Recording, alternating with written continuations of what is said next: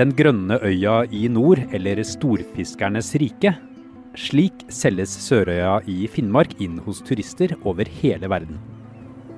På reklamer ser vi smilende fisketurister med en øl i hånda og sola i fjeset. Omslynget av vakre fjell og klare for å få storfangst. Men sånn er det ikke denne våren.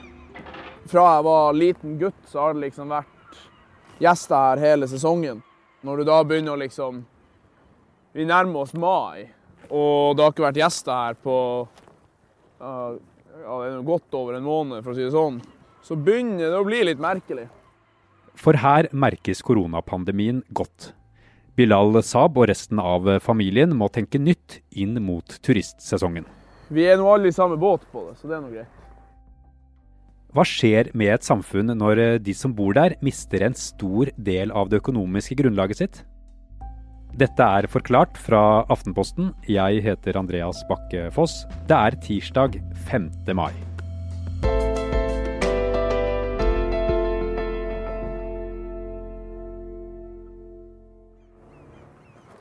Jeg hadde et napp akkurat. 19 år gamle Daniel Andersen flyttet opp til Sørøya på nyåret for å begynne i drømmejobben som fiskeguide. Men eh, jobben ble ikke den han hadde sett for seg. Ta opp mange, vi trenger mange hvis vi skal ut igjen senere. Kollega Øyvind Tveter ble med han og Bilal på fisketur utenfor øya. Det har vært torsk. Ja, torsk, ja. Ja. Turistsesongen den varer fra mars til oktober. De fleste som kommer hit, de jakter på storfisken, og da er det spesielt kveita.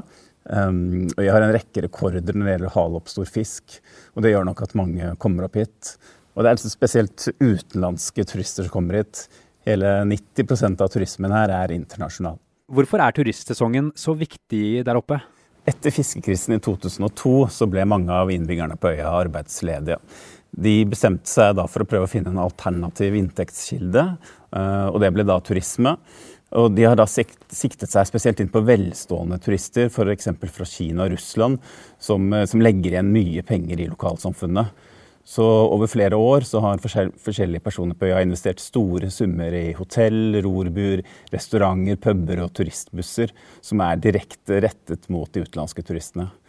Og ehm, øya, som i dag har 1000 innbyggere, eh, så er hele 15% av dem direkte involvert i turisme. Og i tillegg så kommer alle de som har turisme som biinntekt. Nå er Daniel permittert, og det på ubestemt tid. Mesteparten av tiden tilbringes likevel ute på havet. Jeg fyller dagene med fiske etter eh, forskjellige arter, og da over et spesielt vektkrav da, for å gjøre det enda mer vanskelig og enda mer spennende. Sørøya er, eh, er vakker. Um, øya består av noen få fargerike hus som er spredt utover. Det er et sentrum hvor rådhuset ligger sammen med et fiskemottak. Ellers så ser man en rekke mm, fiskebåter og en del anlegg da, som er bygd opp til turistene. Uh, og når man speider av havet, så ser man da en rekke høye fjell kledd i hvitt. Ellers er det mm, kun én vei som forbinder de forskjellige havneområdene, og utenom det så er det mest natur, egentlig. Alt som har med turisme å gjøre, er stengt på øya. Og det merkes godt. I fjor hadde Sørøya alene rundt 60 000 gjesteovernattinger. Nesten alle gjestene var utenlandske. Nå kan det ta lang tid før de samme turistene er tilbake. Turistnæringen der oppe merket nok dette samtidig med resten av landet i mars. Da ga jo myndighetene beskjed om at grensen skulle stenges, og at utlendingene som var i Norge, de måtte ut. Og etter det så har turistanleggene der oppe stått helt tomme. Bilal Saab og resten av familien driver bedriften Big Fish Adventure på Sørøya. Det å drive butikk ute i havgapet på, sånn som vi gjør, og eh, langt ute, det er i utgangspunktet ganske utfordrende. Så det å få det her nå eh, og skal forholde seg til det, det er ganske så utfordrende, ja.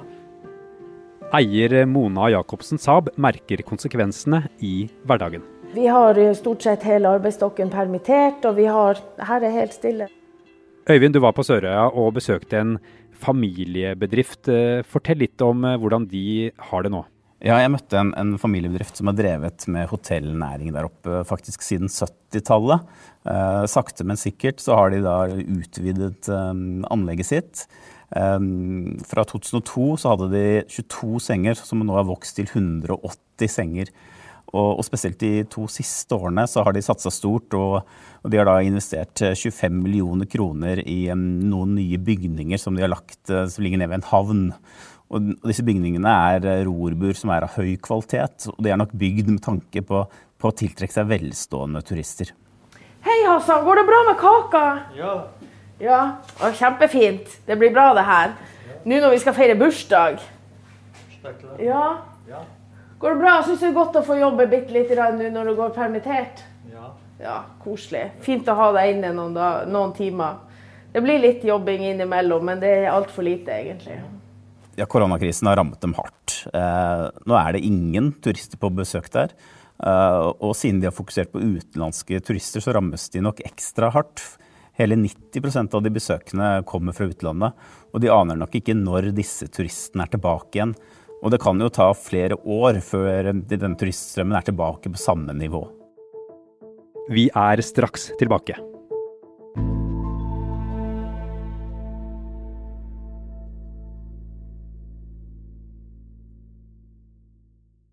Øyvind, hvilke konkrete tiltak er det de gjør på Sørøya nå for å få turistene tilbake?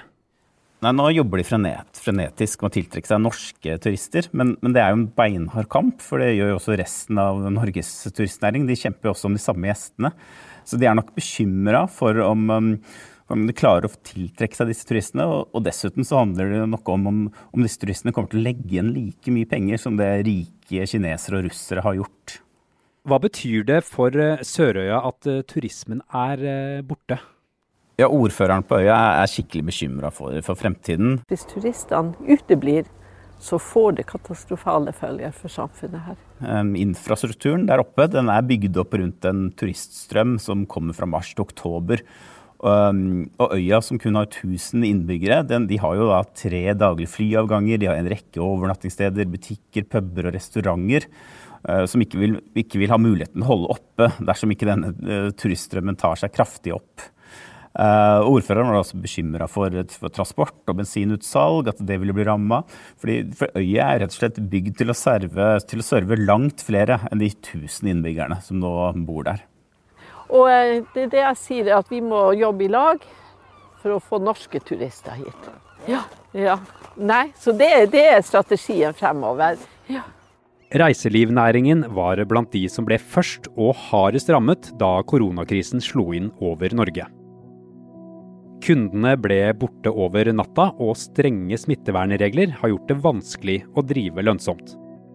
Ifølge bransjeorganisasjonen NHO Reiseliv har åtte av ti reiselivsbedrifter mellom 76 og 100% lavere omsetning enn normalt. Hele ni av ti bedrifter har permittert sine ansatte. Da organisasjonens leder Kristin Krohn Devold deltok på Debatten i NRK i forrige uke, sa hun at det haster med å åpne opp mer. Og Det store store problemet er at vi har nesten 450 000 mennesker uten arbeid. Og Det er det det handler om. Det handler om å få åpne alt mulig så ansvarlig som mulig, slik at 450 000 mennesker kan gå tilbake til jobbene sine. Åpner vi for seint, så er det ingen jobber. Det gjelder hoteller, det gjelder scenene, ja. det gjelder dyreparkene. Og Derfor er vi så glad for hvert eneste signal som kommer med økt tempo i å få åpne. For den eneste muligheten til å få bort 450 000 ledige. Joakim Lund, du er kommentator i Aftenposten. Hvordan vil du beskrive konsekvensene av koronapandemien for eh, reiselivsnæringen i Norge?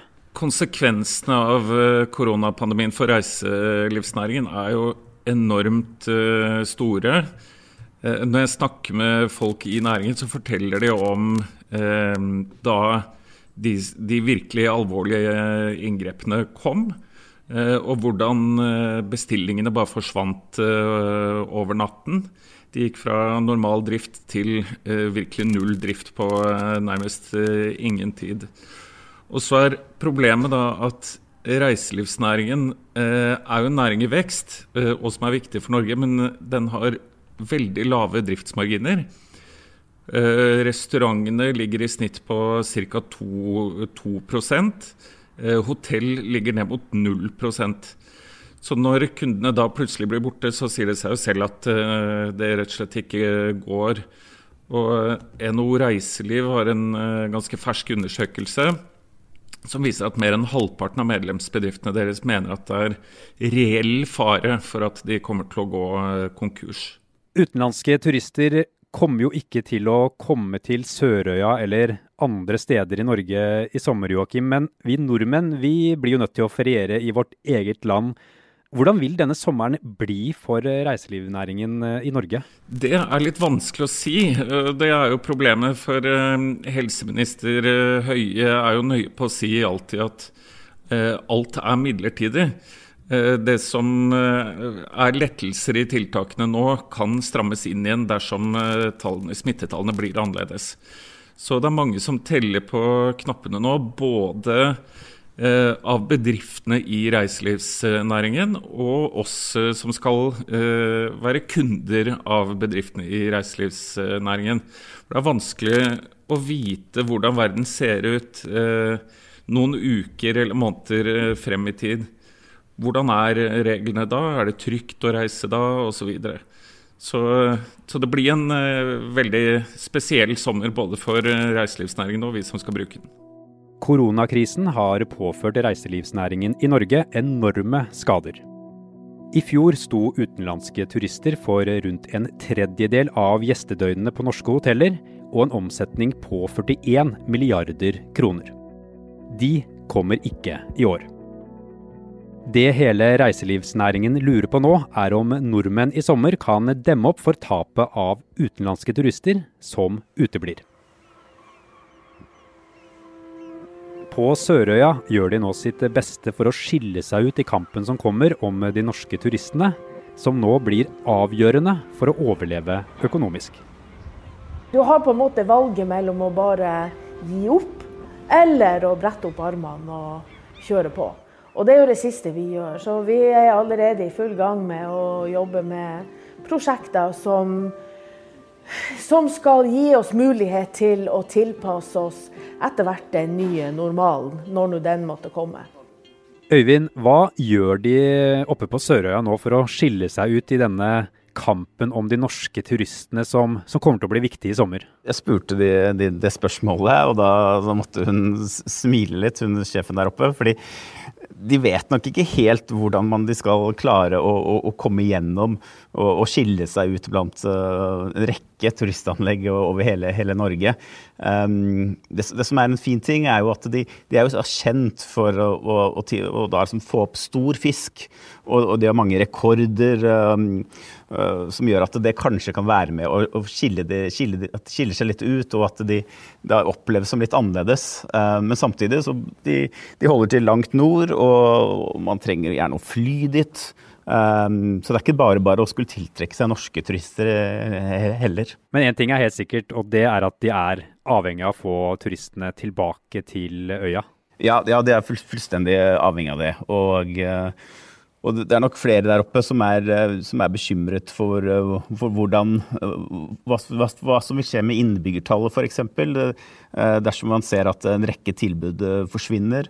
Og kanskje vil det ikke bli så attraktivt å, å bo på denne øya året rundt. Så, så de er nok veldig spent på hva som kommer til å skje i årene fremover nå.